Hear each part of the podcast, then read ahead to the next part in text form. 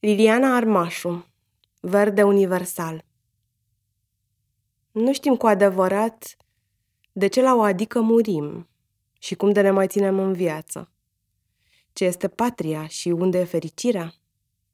Cine dintre noi e deșteptul și cine naivul? Și dacă ne-am văzut vreodată la față. Important e că locul în care ne dăm mereu întâlnire e verde și noi, pe toată întinderea lui.